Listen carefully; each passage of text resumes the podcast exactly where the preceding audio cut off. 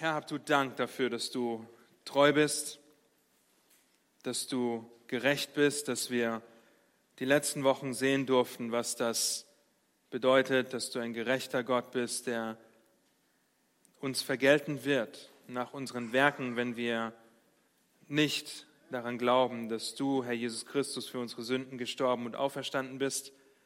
Und so habt du Dank für diesen nächsten Teil, der uns ermutigen darf, auf dich zu blicken, Freude an der Sicherheit im Evangelium zu haben. Und so schenkt du auch für heute Gnade zum Reden und zum Hören, Herr. Amen. Angenommen, ihr kennt euch in Berlin nicht aus, also so wie ich, ja, und man sagt dir direkt am Fernsehturm, dass es jetzt noch zum Funkturm geht. Du bist mit dem Auto oder dem Fahrrad unterwegs. Nun, wie kommen wir jetzt zum Funkturm?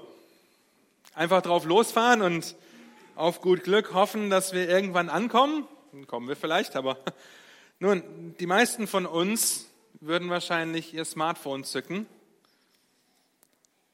die Karten-App öffnen und Funkturm Berlin eingeben. Was passiert dann? Die App zoomt raus in eine Vogelperspektive. Man kann sich die Route aussuchen, die man nehmen möchte, die schnellste, die sparsamste, die kürzeste, wie auch immer. Und man folgt dieser Route, bis man an den Funk, am Funkturm angekommen ist. Ja, also so kommt man an den Funkturm. Altmodisch holt man die Karte raus und sucht auf der Karte, wo man selbst sich befindet und dann der Weg zum Funkturm, wie der aussieht. Nun, und so eine Vogelperspektive wollen wir uns heute verschaffen, damit wir ein bisschen verstehen, was jetzt im nächsten Teil, den Kapitel 5 bis 8 im Römerbrief, vor sich geht. Und zunächst wollen wir uns an den Hintergrund erinnern. Der Hintergrund dieses Briefes. Und wir erinnern uns, Paulus wird circa 32 nach Christus auf der Straße nach Damaskus errettet. Ja, wir gehen davon aus, dass Christus 30 nach Christus am Kreuz gestorben ist, am dritten Tag auferstanden ist und dann zwei Jahre später circa wird Paulus errettet. Vorher war er Verfolger der Gemeinde und damit hat er sich einen Namen gemacht. Ihr könnt Apostelgeschichte 9 lesen, um das rauszufinden. So haben wir auch die Gläubigen in Rom, die diesen Brief jetzt bekommen, die bestimmt von ihm und seiner Bekehrung gehört haben, denn es ist circa vier, 25 Jahre nach seiner Bekehrung, als er den Römerbrief schreibt. Und nachdem Paulus gläubig wurde, hat Gott ihn auf vielfältige Art und Weise gebraucht, um das Evangelium Gottes, wie es in Römer 1, Vers 1 beschrieben wird, vor Heiden, vor Könige, vor das Volk Israel zu tragen. Und ab Apostelgeschichte 13 lesen wir von drei Missionsreisen des Paulus, und circa 56 nach Christus, also die 24 Jahre nach seiner Bekehrung, befindet er sich auf der dritten Missionsreise. Die Rückreise der dritten Missionsreise soll laut Apostelgeschichte Kapitel 20 über Mazedonien gehen. Das könnt ihr euren Bibeln hinten auf der Karte anschauen. Ja, aber vorher verbrachte Paulus drei Monate in Griechenland und wir gehen davon aus, dass er in dieser Zeit, wahrscheinlich in Korinth, den Brief an die Römer geschrieben hat. Hat. Ja, wir gehen vor allem davon aus, weil sich die Namen, die in Apostelgeschichte 20 genannt werden, an vielen Stellen mit den Namen, die in Römer 16 in den Grüßen genannt werden, übereinstimmen, zusammenpassen. Und zusätzlich ist es wichtig, dass wir uns immer wieder vor Augen führen, dass Paulus das Alte Testament wie seine Westentasche kannte. Ja, er war ein unterwiesener Mann im Alten Testament und trotzdem hat er Christus nicht erkannt, bis Christus sich ihm geoffenbart hat. Und das müssen wir wissen, weil er diesen Brief viele Jahre nachdem er gläubig geworden ist, geschrieben hat und das Auswirkungen hat und er immer wieder darauf Bezug nimmt, auf das Alte Testament, auf das Gesetz. Und weil wir auch sehen werden in Kapitel 7, dass dieser Kontext, in dem er schreibt, von großer Bedeutung ist. Also dürfen wir diesen Kontext im Hintergrund haben. Aber jetzt stellst du dir vielleicht die Frage, und hier ist ein Kabel, Komisch. Ähm, jetzt stellst du dir vielleicht die Frage, warum erst jetzt ein Überblick? Warum hätten wir das nicht in der allerersten Woche machen können, dass wir durch alle 16 Kapitel gehen, des Römerbriefs einen Überblick verschaffen? Nun, ein grundlegender Einstieg in den Römerbrief erleichtert es uns, den Gedankengang des Römerbriefs zu verstehen, den Gedankengang von Paulus zu verstehen. Und durch die Betrachtung bis jetzt haben wir zum einen ein Grundverständnis dafür bekommen, dass der Mensch absolut verdorben ist, das heißt absolut nicht in der Lage, aus eigener Kraft zu Gott zu kommen, und zum anderen ein Verständnis für die Realität des Evangeliums bekommen. Das Evangelium aus Gnade durch Glauben aufgrund des Erlösungs- und Sühnewerks unseres Herrn. Und das ist wichtig für die Kapitel 5 bis 8. Okay? Weil der Römerbrief in einzigartiger Weise aufzeigt, wie vielschichtig das Evangelium ist. Ja, wir werden das sehen, spätestens wenn wir zu Kapitel 12 kommen, dass das Evangelium nicht nur dazu da ist, uns zu retten, sondern auch, damit wir Christus dadurch die Ehre geben, indem wir uns täglich an das Evangelium erinnern. Und so wollen wir uns kurz eine Gliederung anschauen.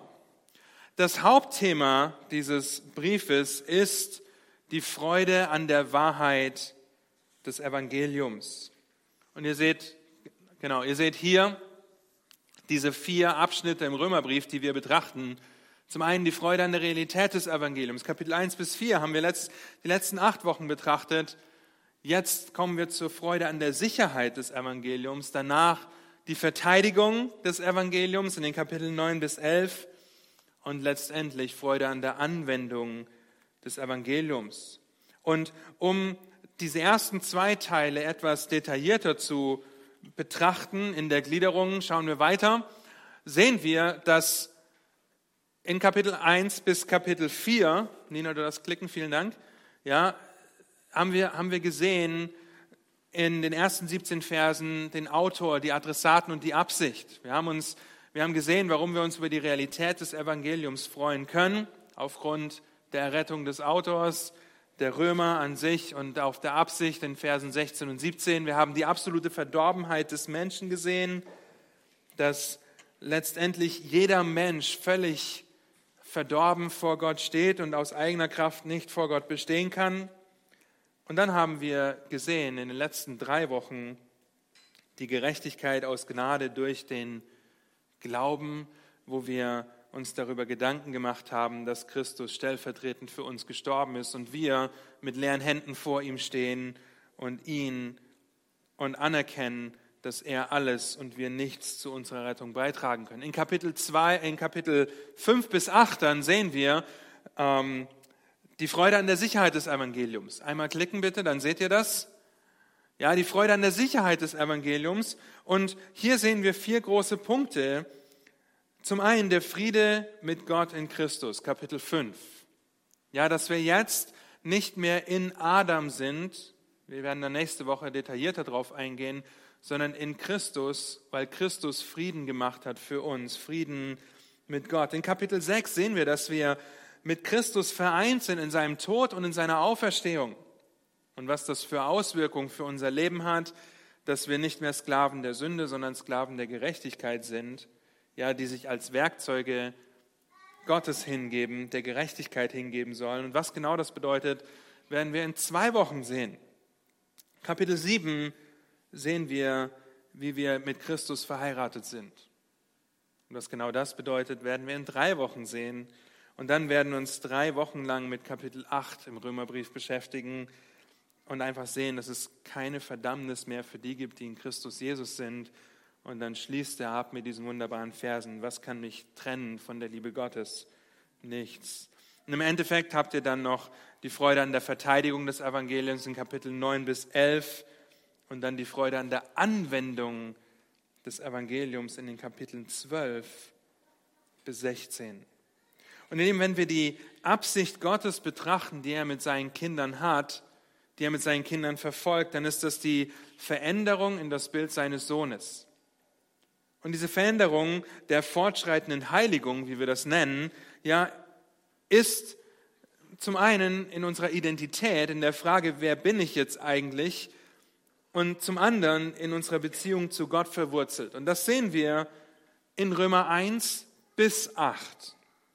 Okay, und deshalb wollen wir diese Vogelperspektive kurz einnehmen und uns drei Wahrheiten anschauen, warum wir Freude an der Sicherheit des Evangeliums haben können.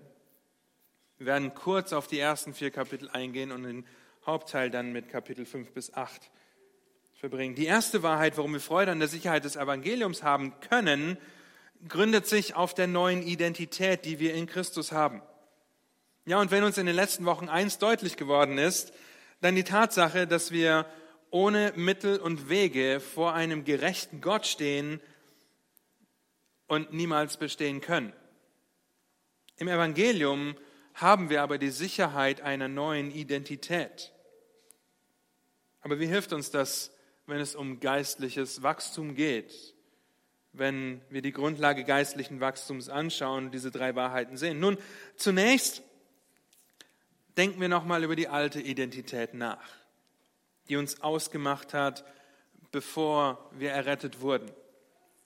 Wir erinnern uns, der Mensch wurde oder ist in Sünde empfangen.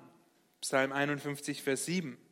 Der Mensch ist absolut verdorben, das heißt unfähig, in seinem Willen, in seinem Verstand, in seiner Nachfolge und in seiner Absicht nach Gott zu fragen.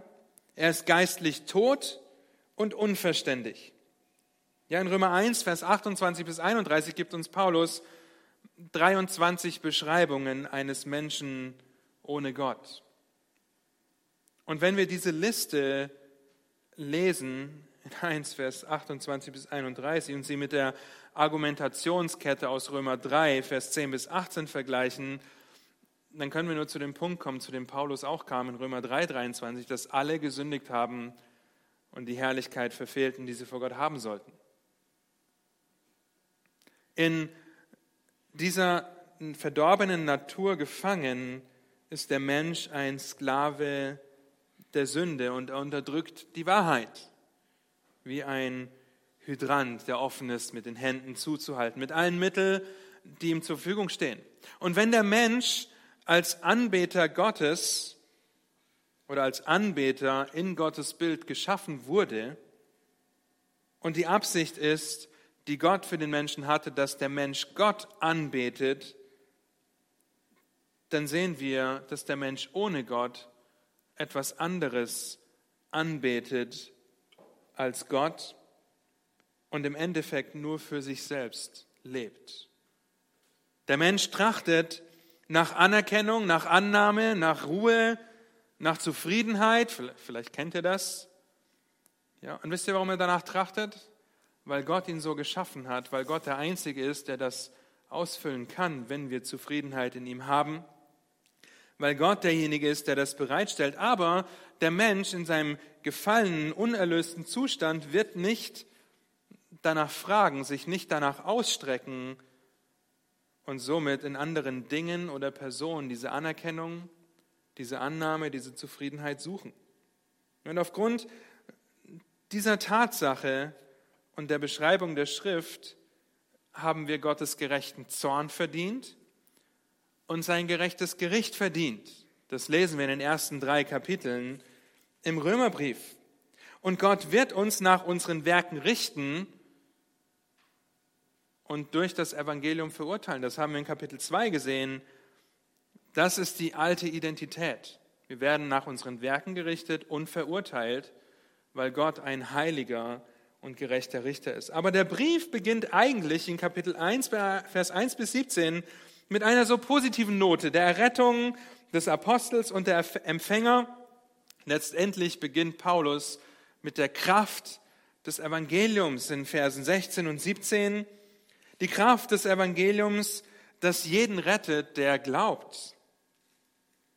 Und so greift Paulus das Evangelium in 3 Vers 21 wieder auf, nach dem Einschub der alten Identität und beginnt den Römern ihre neue Identität in Christus aufzuzeigen. Jetzt aber ist außerhalb des Gesetzes die Gerechtigkeit Gottes offenbar geworden. Nicht aufgrund von Werken, damit niemand sich rühme. Es ist allein Gott zu schreiben, dass er rettet, zuzuschreiben, dass er rettet. Und in Kapitel 3 finden wir unsere neue Identität in Christus, zugesprochene Gerechtigkeit. Wichtig dabei zu verstehen ist, dass, dass Gott rechtfertigt. Er ist derjenige, der uns freispricht von aller Sünde und jeder Konsequenz der Sünde, was die ewige Trennung von ihm angeht. Ja, das geschieht auf Grundlage des Sühnopfers Christi am Kreuz als er den Zorn des Vaters gestillt und besänftigt hat, komplett und für immer. Und es geschieht dadurch, dass er am Kreuz die Ketten der Sünde gesprengt hat. Er hat uns erlöst, freigekauft oder herausgerissen, je nachdem, welches Wort ihr bevorzugt. In Christus haben wir eine neue Identität. und die Grundlage für geistliches Wachstum wird in diesen Kapiteln gelegt. In Kapitel 1 bis 4 wird sie gelegt, weil wir uns der neuen Identität bewusst werden. Und in Kapitel 5 bis 8 wird sie vertieft. Ja, und wie Abraham stehen auch Paulus und wir als Schuldner am Evangelium da, weil die Errettung Auswirkungen haben sollte auf unser Leben. Wir erinnern uns an Abraham, der nicht auf seine hoffnungslosen Umstände geschaut hat, sondern auf Gott vertraut hat, der Gottes Wort vertraut hat und nicht daran gezweifelt hat, der Gottes Fähigkeiten vertraut hat und voll davon überzeugt war, dass Gott das, was er sagt, auch einhält, auch wenn die Umstände, die Situation, in der er sich befindet, das absolute Gegenteil aussagen würde. Die neue Identität hat also Auswirkungen auf unser Leben. Es ist gut darüber nachzudenken, was dieser Inhalt ist und die Auswirkungen dieser neuen Identität. Und ihr könnt euch das vorstellen, Kapitel 5 bis 8, wie ein Sandwich. Ja, ein Sandwich, das die Brötchenseiten oben und unten Römer 8 und Römer 5 hat. Es ist wie die Bestätigung der Sicherheit. Wir haben Frieden mit Gott, absolute Sicherheit in Christus in Kapitel 5 und wir haben keine Verdammnis mehr. Für die, die in Christus sind, Kapitel 8, nichts kann uns davon trennen. Und dazwischen finden wir die wunderbaren Wahrheiten, dass wir mit Christus in den Tod und seiner Auferstehung vereint sind, in Kapitel 6, dass wir authentisch sein können, wenn es um unsere Sünde geht, die uns nach wie vor so leicht umstrickt, weil wir das Verlangen haben, aufgrund unserer Ehe mit Christus ein verändertes Leben zu führen. Das ist dann Kapitel 7. Ja, aber Kapitel 5 und 8 sind eine so gewaltige Zusicherung, dass wir Kapitel 6 und 7 freudig umsetzen dürfen, weil wir uns der Sicherheit des Evangeliums sicher sein dürfen, bewusst sein dürfen. Und so wollen wir uns Kapitel 5 bis 8 zuwenden. Diese neue Identität zum einen ist, dass wir Frieden mit Gott haben. Durch Christus haben wir Zugang erlangt, heißt es in Kapitel 5. So wie durch Adam der Tod in die Welt gekommen ist, so ist das Leben durch Christus gekommen. Die Wahrheit über die Identität eines Menschen ist eigentlich einfach erklärt. Entweder ist er in Adam ein verurteilter Sünder, der getrennt ist von Gott, oder er ist in Christus ein begnadigter Sünder durch Christus in Beziehung zu Gott stehend. Und das nur durch Gnade. 5 Vers 18 heißt es, also, wie nun durch die Übertretung des einen die Verurteilung für alle Menschen kam, so kommt auch durch die Gerechtigkeit des einen für alle Menschen die Rechtfertigung, die Leben gibt. Das heißt, wenn du ein Kind Gottes bist, wenn du mit deinem Mund bekennst, dass Jesus Christus dein Herr und Retter ist, dann ist deine Identität nicht mehr Feind, sondern Freund Gottes. Und diese Identität ist nicht von dir abhängig, sondern von Christus. Und sich das vorzustellen, das sollte uns jubeln lassen, freuen lassen an der Sicherheit, die daher kommt, weil ich niemals besser oder schlechter in Beziehung zu Gott stehen kann, weil es nicht von mir abhängig ist, ob ich ein Freund Gottes bin oder nicht, weil es alles von seinem Sohn und dessen Gerechtigkeit abhängig ist, dessen Gerechtigkeit, die mir angerechnet wurde und meine Sünde, die ihm am Kreuz angerechnet wurde. Das ist Kapitel 5. Wir sind Freunde Gottes. Kapitel 6 vertieft Paulus diese neue Identität und zeigt auf, dass wir mit Christus der Sünde gestorben sind und jetzt der Gerechtigkeit leben. Wir sind Sklaven Gottes, wenn ihr so wollt. Die neue Identität versetzt uns in einen völlig anderen Stand, völlig neuen Stand vor Gott. Kapitel 6, Vers 4. Ihr dürft heute ein bisschen blättern, ja, habt ihr schon gemerkt. Wir sind also mit ihm begraben worden durch die Taufe in den Tod, damit gleich wie Christus durch die Herrlichkeit des Vaters auf den Toten auferweckt worden ist, so auch wir in einem neuen Leben wandeln, ein neues Leben. Und wenn ihr den Römerbrief schon einmal studiert habt und aufmerksam gelesen habt, dann werdet ihr feststellen, dass Römer 6, Vers 11 den ersten Befehl des Briefes hat. Ja? Sechseinhalb Kapitel beginnt Paulus damit, die alte Identität und die neue aufzuzeigen. Und dann in Kapitel 6, Vers 11 schreibt er den Römern, also auch ihr, haltet euch selbst dafür, dass ihr für die Sünde tot seid, aber für Gott lebt in Christus, Jesus, unserem Herrn. Der erste Befehl. Und das hat Auswirkungen, die sehr weit ab sind von der Vorstellung, dass wir jetzt fleißig sündigen sollen. Okay? So wie wir geistlich tot waren und nichts tun konnten, was Gott wollte, sind wir jetzt der Sünde gestorben und sollten nichts mehr mit ihr zu tun haben, weshalb Paulus damit noch im zweiten Teil fortfährt von Kapitel 6 in Vers 17 und sagt, Gott aber sei Dank, dass ihr Sklaven der Sünde gewesen, nun aber von Herzen gehorsam geworden seid. Und dann in Vers 18 sagt er, wir wurden von der Sünde befreit und sind jetzt der Gerechtigkeit dienstbar geworden. Die neue Identität ist sicher im Evangelium verwahrt, weil wir mit Christus gestorben und auferstanden sind. Kapitel 7. Kapitel 7 greift noch einmal das aus Kapitel 6 auf, aus einer anderen Perspektive. Vom Gesetz geschieden, mit Christus verheiratet. Eine Witwe oder ein Witwer ist frei zu heiraten.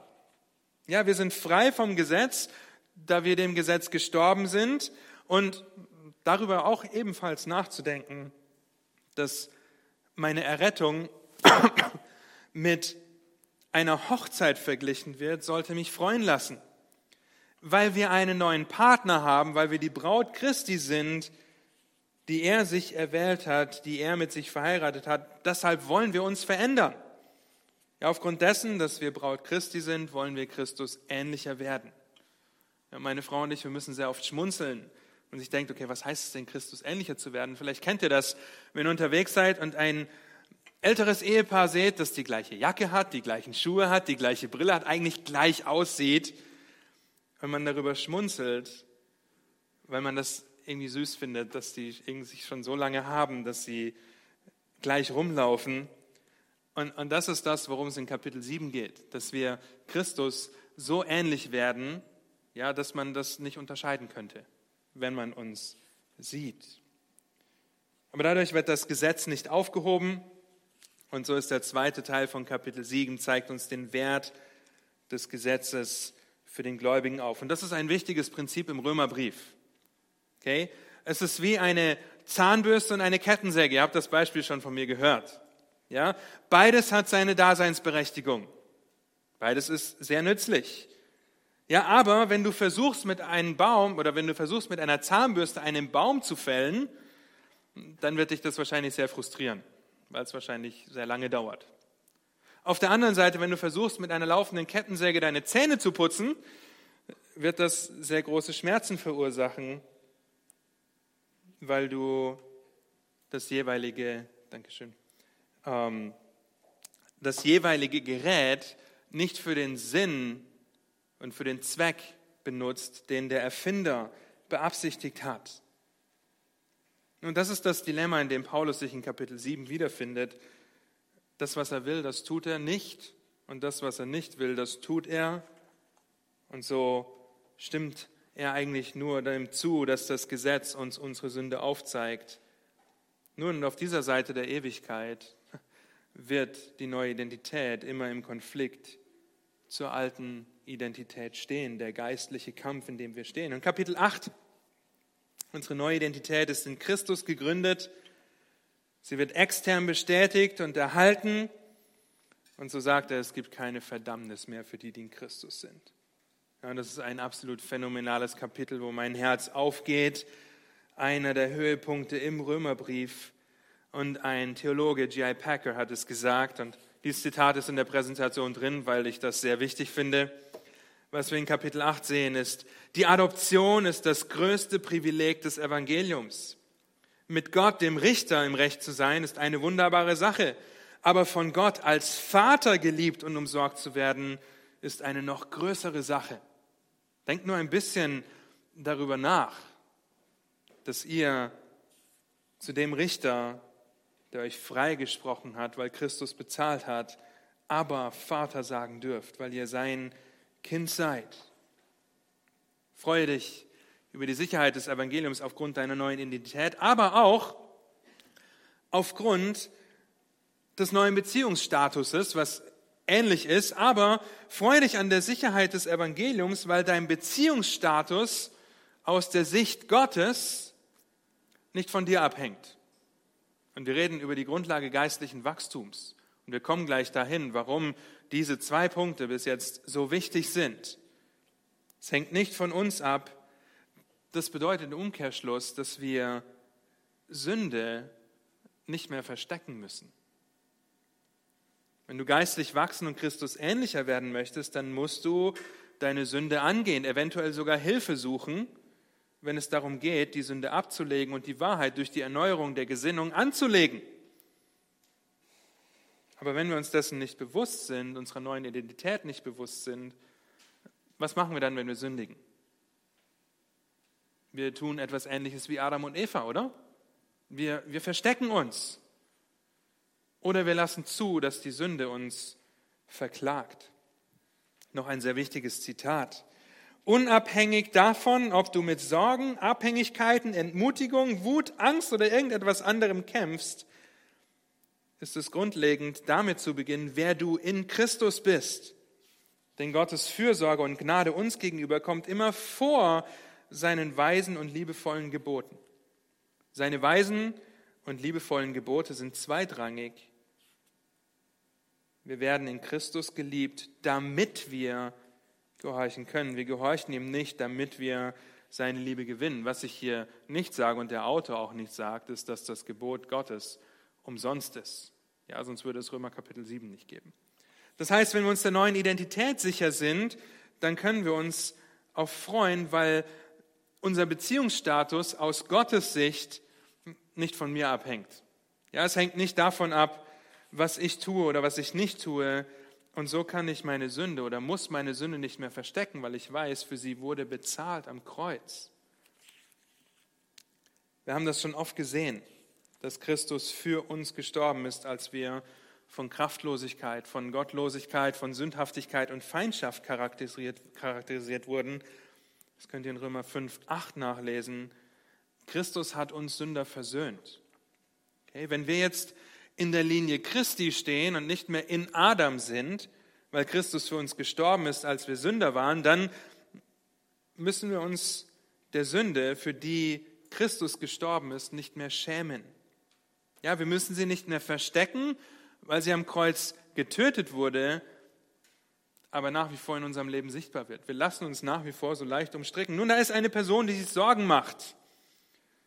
Die Sorgen treiben sie weg von Gott, weil sie denkt, ha, wie kann Gott so eine sorgenvolle Person wie mich lieben? Wenn ihr nachts um zwei immer noch nicht schlafen könnt und die Sorgen immer größer werden. Ihre Sorgen treiben sie von Gott weg, weil sie vielleicht dahin kommt und denkt, sollte Gott wirklich gesagt haben, das, Punkt, Punkt, Punkt. Ihre Sorgen treiben eine sorgenvolle Person von Gott weg, anstatt sie zu Gott hinzutreiben. Das Ziel der Sünde ist, dass wir uns entfremdet fühlen. Sünde führt immer zur Entfremdung, so weit sogar, dass sich ein Kind Gottes seines Heils nicht mehr gewiss sein kann, nicht mehr sicher sein kann. Aber wenn die Sünde am Kreuz vollständig bezahlt wurde, dann können wir mit ihr, mit der Sünde zum Thron der Gnade kommen, um Barmherzigkeit zu erlangen und Gnade zu finden zur rechtzeitigen Hilfe. Hebräer 4, Vers 16. Das heißt, wenn wir in diesem Kreislauf stecken, dass wir, dass uns unsere Sünde von Gott wegtreibt, dann können wir uns erstens an unsere neue Identität, Identität erinnern und zweitens zum Herrn fliehen und nicht vor ihm fliehen und im Gebet sein und drittens uns Hilfe suchen, wenn wir feststecken. Sünde versucht uns immer von Gott wegzutreiben. Sünde versucht uns immer anzuklagen, wo es keine Anklage mehr gibt. Okay, die Anklage hat am Kreuz ihr Ende gefunden. Können wir den Heiligen Geist betrüben und sündigen? Kann Gott uns züchtigen? Auf jeden Fall, ja. Aber dein Beziehungsstatus aus der Sicht Gottes ist nicht von meinem oder von deinem Verhalten abhängig, sondern von dem, was Christus für uns getan hat. Erinnert euch an die zugesprochene Gerechtigkeit. Deshalb ist es ein so ermutigendes Ereignis, wenn Geschwister auf uns als Hirten zukommen und Hilfe anhand der Schrift suchen. Okay, weil sie von ihrer Sünde so leicht umstrickt werden und festgefahren sind und Hilfe brauchen und wir ihnen die Hoffnung geben können, dass für diese Sünde bezahlt wurde und ihnen helfen können, gegen sie anzugehen. Aber nicht nur, weil wir Frieden mit Gott haben, versöhnt sind mit Gott, können wir unsere Sünde offen angehen und authentisch mit ihr umgehen, sondern der zweite Grund ist, dass wir dem Gesetz gestorben sind. Wir sind mit Christus gestorben und auferstanden. Wir sind nicht mehr unter dem Gesetz. Ein Beispiel, das wir sicherlich wiederholen werden, wenn wir zu Kapitel 6 kommen, ist, stell dir einen Gefangenen in der Todeszelle vor. Er wartet auf seine Hinrichtung. Er wird auf die Bank gespannt. Das Gift wird in seinen Körper injiziert. Er stirbt. Mit seinem Tod hat er den Preis für seine Übergehung bezahlt. Der Preis wurde bezahlt. Dafür wurde er verurteilt, dafür hat er bezahlt. Wenn dieser selbe Gefangene, nachdem das Gift injiziert wurde, wieder aufsteht und einfach weiterlebt, dann ist er frei, weil er den Preis bezahlt hat. Ja, wenn er quasi aus den Toten wieder aufersteht, nachdem das Gift injiziert wurde, ist er frei, weil er den Preis für sein Verbrechen bezahlt hat. Verstehen wir das? Versteht ihr das, was das bedeutet, wenn wir mit Christus gestorben sind und jetzt auferstanden sind? Wir haben der Preis für unsere Sünde, für das Vergehen, das den Tod verdient, oder am Kreuz bezahlt. Und jetzt leben wir und der Lohn der Sünde gilt für uns nicht mehr. Der Lohn der Sünde ist der Tod, aber die Gnadengabe Gottes ist das ewige Leben in Christus Jesus, unserem Herrn. Römer 6, Vers 23. Mit Christus der Sünde gestorben. Okay? Weil er unsere Sünde auf sich genommen hat. Das heißt, wir leben jetzt in Frieden mit Gott und können unsere Sünde im Licht dieser Vergebung, dieses Todes auch angehen, weil unser Beziehungsstatus aus der Sicht Gottes sich durch unsere Sünde nicht verändert, weil für unsere Sünde bezahlt wurde.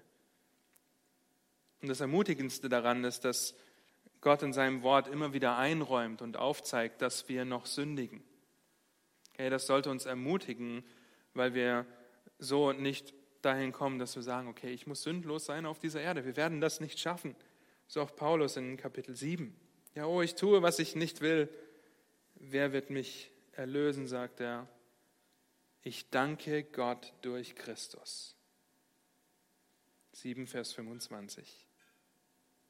Das heißt, wenn es von uns abhängig wäre, ja, wenn es von dir abhängig wäre, ob du errettet wirst, ob du errettet bist oder ob du errettet bleibst, wenn es von uns abhängig wäre, wie könnten wir Gott danken dafür? Wenn wir ständig den Druck hätten, dass wir nicht sündigen dürfen. Wie könnten wir offen und ehrlich, authentisch mit unserer Sünde umgehen, darüber reden, Hilfe suchen, darin wachsen und sie mit der Hilfe von Gottes Wort und unserer Geschwister abzulegen? Wie wäre das möglich, wenn es von uns abhängig wäre? Es wäre unmöglich. Ja, aber die, die Schrift zeigt uns diesen, diesen geistlichen Kampf, in dem wir stehen und mit diesem Kampf auch den Ausweg in Christus,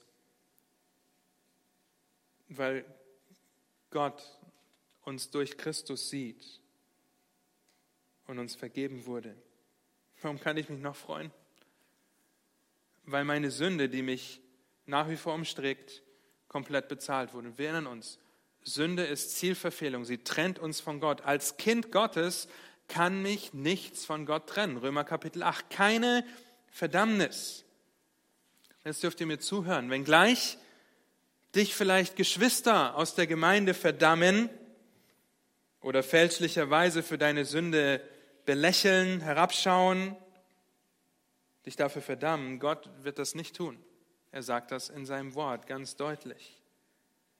Und es tut mir leid, wenn du Ablehnung, Verdammnis oder Anfeindung aufgrund deiner Sünde in dem Moment erlebt hast, in dem du allen Mut zusammengefasst hast und jemanden mit deinen Herausforderungen um Hilfe gebeten hast. Sollte nicht so sein. Sollte nicht so sein, weil keine Sünde so schlimm ist, dass die Vergebung nicht größer ist. Okay, weil keine Sünde so, Sünde so schlimm ist, dass Veränderung nicht stattfinden könnte. Und es ist mir immer eine große Freude und Ermutigung, mich regelmäßig mit Geschwistern hinzusetzen und in die Hoffnung und die Sicherheit des Evangeliums aufzuzeigen. Warum? Weil ich mein Herz kenne. Okay? Ich weiß, dass ich das ganz genauso brauche. Und ich bin davon überzeugt, dass meine Beziehung aus Gottes Sicht nichts mit meinem Verhalten zu tun hat. Deswegen kann ich diese Sicherheit haben. Deswegen kann ich auch über Sünde reden und Sünde angehen. Ich bin davon überzeugt, dass wir über Vergebung reden können, dass wir über Veränderung sprechen können und dass wir sogar die Hoffnung haben können, dass Gottes Wort die Macht hat, Veränderung zu bewirken. Das ist die letzte Wahrheit dieser drei Wahrheiten. Ich habe Freude an der Sicherheit des Evangeliums, weil es die Kraft hat, mich zu verändern. Denken wir nur mal kurz drüber nach. Ja, warum sollte das Evangelium nur auf die Kraft der Errettung beschränkt werden in Kapitel 1, Vers 16 und 17? Nun, das Evangelium hat die Kraft, uns geistlich lebendig zu machen. Davon sind wir überzeugt. Aber warum sollte es dann nicht auch die Kraft haben, uns zu erziehen, uns zu ermahnen, uns zu ermutigen, uns zu zurechtzuweisen und uns zu belehren? Das Evangelium hat nicht nur die Kraft zu erretten, sondern auch zu verändern. Und deshalb dürfen wir uns sicher sein, dass unsere Beziehung zu Gott nicht von uns, sondern unserer Identität in Christus abhängig ist. Und das wird uns motivieren, Sünde nicht nur ans Licht zu bringen, sondern sie auch anzugehen und abzulegen. Warum? Kapitel 5, weil unsere Beziehung wiederhergestellt ist. Wir sind mit Gott versöhnt. Ihr könnt diese Kapitel lesen. Ihr werdet feststellen, dass Gott uns alles durch den Heiligen Geist gegeben hat, was zum Leben im Hier und Jetzt nötig ist. Lest nur die Verse 3 bis 5 in Römer 5. Das Evangelium hat die Kraft, uns zu verändern, weil Gott seine Liebe in unsere Herzen ausgegossen hat. Kapitel 6 führt uns zur ersten Aufforderung. Wie schon gesehen, es wird deutlich, dass wir, weil wir mit Christus gestorben und auferstanden sind, in der Lage und auch in der Verantwortung stehen, zu wachsen. Okay? Weil nur durch das Evangelium ist es möglich, sich selbst für tot zu halten und in Christus zu leben. Kapitel 6, Vers 11. Die Sünde nicht herrschen zu lassen. Kapitel, äh, Vers 12. Nicht als Werkzeug der Ungerechtigkeit zu fungieren, sondern sich Gott als Werkzeug der Gerechtigkeit hinzugeben. Vers 13. Und nicht als Sklaven der Sünde zu handeln, sondern als Sklaven der Gerechtigkeit. Verse 17 und 18. Das heißt, Veränderung durch das Evangelium ist möglich, weil die Beziehung wiederhergestellt ist und weil ich eine neue Identität habe. Okay, das gehört alles zusammen. Deswegen ist es die Grundlage für geistliches Wachstum. Kapitel 7 sehen wir unsere absolute Abhängigkeit von Christus. Okay, ohne Gott, ohne Christus könnten wir das nicht im Ansatz ansetzen, äh, umsetzen, weil das Gesetz nach wie vor uns der Sünde überführt. Christus allein ist der Grund, dass wir lernen können, die Kettensäge richtig zu benutzen. Okay, und das Gesetz dazu zu gebrauchen, Sünde in unserem Leben zu identifizieren und in den Prozess der Veränderung durch Christus einzusteigen. Bei all dem wissen wir, dass wir das aus eigener Kraft nicht tun können. Deswegen sind wir verheiratet mit Christus. Freude an der Sicherheit des Evangeliums, weil wir verändert werden. Der Prozess der fortschreitenden Heiligung wird in Kapitel 8 ebenfalls sehr deutlich. Wir sollen durch den Geist die Taten des Leibes töten, Kapitel 8, Vers 13. Und John Owen hat ein ganzes Buch dazu geschrieben, nur zu Kapitel 8, Vers 13, von der Abtötung der Sünde sehr zu empfehlen. Ja, durch den Geist, der für uns einsteht, mit unaussprechlichen Seufzern, steht auch Christus für uns ein. Das seht ihr in Vers 26 und 34. Und das Faszinierende ist, dass Gott Umstände, Bedrängnis, Leid und Herausforderungen benutzt, um uns in das Bild seines Sohnes zu verwandeln. Und wir haben in diesem Kapitel die wunderbare Ewigkeitsperspektive, die Paulus aufzeigt, indem er sagt, dass die Leiden der jetzigen Zeit nicht ins Gewicht fallen gegenüber der Herrlichkeit, die an uns geoffenbart werden soll. Und das spornt uns zur Veränderung an, auf das zu blicken, was uns erwartet und diese feste Gewissheit zu haben. Und so die Frage, freust du dich an der Sicherheit des Evangeliums? Nur von diesem kurzen, schnellen Überblick. Nun, was kannst du tun, um noch mehr darüber zu staunen, Gott anzubeten? Erinnere dich an deine neue Identität in Christus, die aufgrund einer externen Errettung geschehen ist, nicht aufgrund deiner Werke. Es gibt keine Verdammnis für dich, weil du Frieden mit Gott hast. Erinnere dich zweitens an deine Beziehung zu Gott, die nicht von deinem Verhalten abhängig ist. Denn das wird dir dabei helfen, mit deinen Sünden zu Gott als deinem Vater zu fliehen zu ihm zu kommen. Wer von euch hat Kinder? Ich habe Kinder, ja. Zu ihm zu kommen wie ein kleines Kind, das ein Spielzeug kaputt gemacht hat. Kennt ihr vielleicht? Oder den Arm von einer Puppe auskriegst. Keine Ahnung, ja. Und zu seinem Papa geht und unter Tränen in den Augen sagt, Papa, ich habe es kaputt gemacht. Du musst das wieder reparieren. Das ist die Beziehung, die wir zu Gott haben. Dass wir mit unserem kaputten Leben zu ihm kommen und sagen, Papa, Du musst das reparieren. Ich habe es kaputt gemacht. Kannst du es bitte reparieren? Und drittens erinnere dich daran, dass das Evangelium die Kraft hat, dich zu verändern. Ja, weil du eine lebendige Beziehung zu Christus hast. Lese sein Wort, habe Gemeinschaft, wenn wir hier zusammenkommen, sei im Gebet, bekenne deine Sünde, denn er vergibt, er verändert und er versichert, uns in seinem Wort, dass er uns sich ähnlicher macht und uns nichts aus seiner Hand reißen kann.